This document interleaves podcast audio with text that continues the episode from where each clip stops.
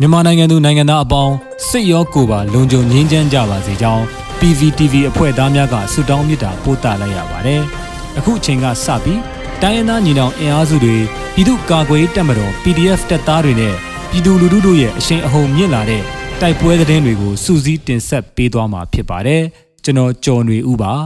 ။ပထမဆုံးအနေနဲ့လေးကေကောဒေတာမှာတိုက်ပွဲဖြစ်ပွားတဲ့သတင်းကိုတင်ဆက်မှာပါ။ ကရင်ပြည်နယ်မြောက်ရီခရိုင်လေးကေကောဒေတာဖလူကြီးကျေးရွာမှာစစ်ကောင်စီတပ်နေကြားစောင့်တပ် BGF နဲ့ကရင်တပ်မတော် KNL ပြည်သူ့ကာကွယ်ရေးတပ် PDF တို့မတ်လ2ရက်နေ့မနက်ပိုင်းမှာတိုက်ပွဲများဖြစ်ပွားခဲ့ကြောင်းသိရပါတယ်။စစ်ကောင်စီတပ်နဲ့နေကြားစောင့်တပ် BGF ရတိကူစစ်စခန်းကိုစစ်ကြောင်းထိုးရာစစ်ကောင်စီဘက်မှမိုင်းထိက9ဦးသေဆုံးခဲ့ကြောင်းသိရပါတယ်။စစ်ကောင်စီတပ်အထိနာခဲ့တာကြောင့်အမြောက်ကုန်းဒေသအခေါ်ခွေးကုန်းမှလေးကီကောဖလူကြီးဖလူလေးကြီးရွာနဲ့ ရတိကူအနီးတစ်ဝိုက်ကိုလက်နက်ကြီးများဖြင့်ပစ်ခတ်နေကြောင်းသိရပါတယ်။ဖေဖော်ဝါရီလ16ရက်နေ့မှာဖလူလေးကြီးရွာဖျက်ကုန်းကိုကရင်တပ်မတော် KNL ပြည်သူ့ကာကွယ်ရေးတပ် PDF တို့တိုက်ခိုက်နိုင်ပြီးနောက်တိုက်ပွဲများငြိမ်သက်နေခဲ့ရာယနေ့နနက်ပိုင်းမတ်လ2ရက်နေ့မှာတိုက်ပွဲများပြန်လည်ဖြစ်ပွားခဲ့ခြင်းပါစစ်ကောင်စီကမတ်လ1ရက်နေ့မှဒီဇင်ဘာ31ရက်နေ့အထိစစ်ရေးဆိုင်ရာလှုပ်ရှားမှုများရက်စဲလိုက်ကြောင်းဖေဖော်ဝါရီလ28ရက်နေ့ရက်စွဲဖြင့်ထုတ်ပြန်ခဲ့တော်လဲနိုင်ငံအနှံ့စစ်ကောင်စီကထိုးစစ်ဆင်းနေစေဖြစ်ပါတယ်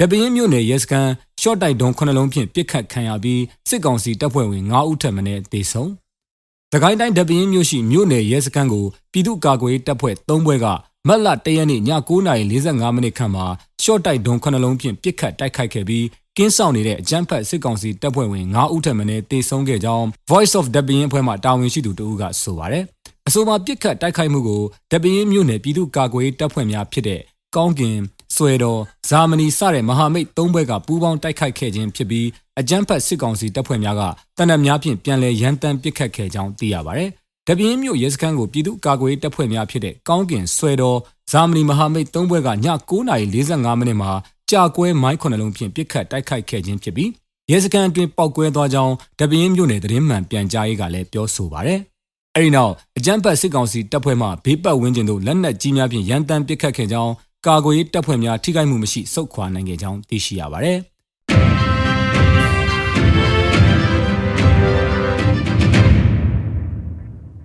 နောက်ဆုံးအနေနဲ့အမျိုးသားညီညွတ်ရေးအစိုးရပြည်ထရေးနဲ့လူဝင်မှုကြီးကြပ်ရေးဝန်ကြီးဌာနက2022ခုနှစ်မတ်လ2ရက်ရက်စွဲနဲ့ထုတ်ပြန်ခဲ့တဲ့ပြည်သူ့ခုခံတော်လှန်စစ်တရင်အချက်လက်တွေကိုတင်ဆက်ပေးသွားမှာပါ။အာဏာသိမ်းအကြမ်းဖက်စစ်အုပ်စုရဲ့ ပြည်သူလူထုအပေါ်အကြမ်းဖက်ဖိနှိပ်ဖန်ဆီးတိုက်ခိုက်တပ်ဖြတ်နေမှုများကိုပြည်သူလူထုတရက်လုံးကအသက်ရှင်တန်ရေးအတွက်မိမိကိုယ်ကိုမိမိခုခံကာကွယ်ပိုင်ခွင့်အရာပြည်သူခုခံစစ် People's Defensive War ကိုဆင်နွှဲလျက်ရှိပါတယ်။တရင်ချက်လက်များအရ2022ခုနှစ်မတ်လ1ရက်နေ့မှာစစ်ကောင်စီတပ်ဖွဲ့ဝင်55ဦးသေဆုံးပြီးထိခိုက်ဒဏ်ရာရရှိသူ73ဦးအထိခုခံတိုက်ခိုက်နိုင်ခဲ့ပါတယ်။စစ်အာဏာရှင်စနစ်မြမအမျိုးပေါ်မှာအပြည့်တိုင်ချုပ်ငြင်းရေးနဲ့ Federal Democracy တည်ဆောက်ရေးအတွက် ငြင်းချမ်းစွာဆန္ဒပြတဲ့လူထုတပိတ်တိုက်ပွဲများကပြည်내နဲ့တိုင်းဒေသကြီးများမှာဆက်လက်ဖြစ်ပွားပေါ်ပေါက်လျက်ရှိပါတယ်။မြေပြင်မှာတော့ယခုတွေ့ရတဲ့သတင်းအချက်အလက်များထက်ပို၍ဖြစ်ပွားနိုင်ပါတယ်ခင်ဗျာ။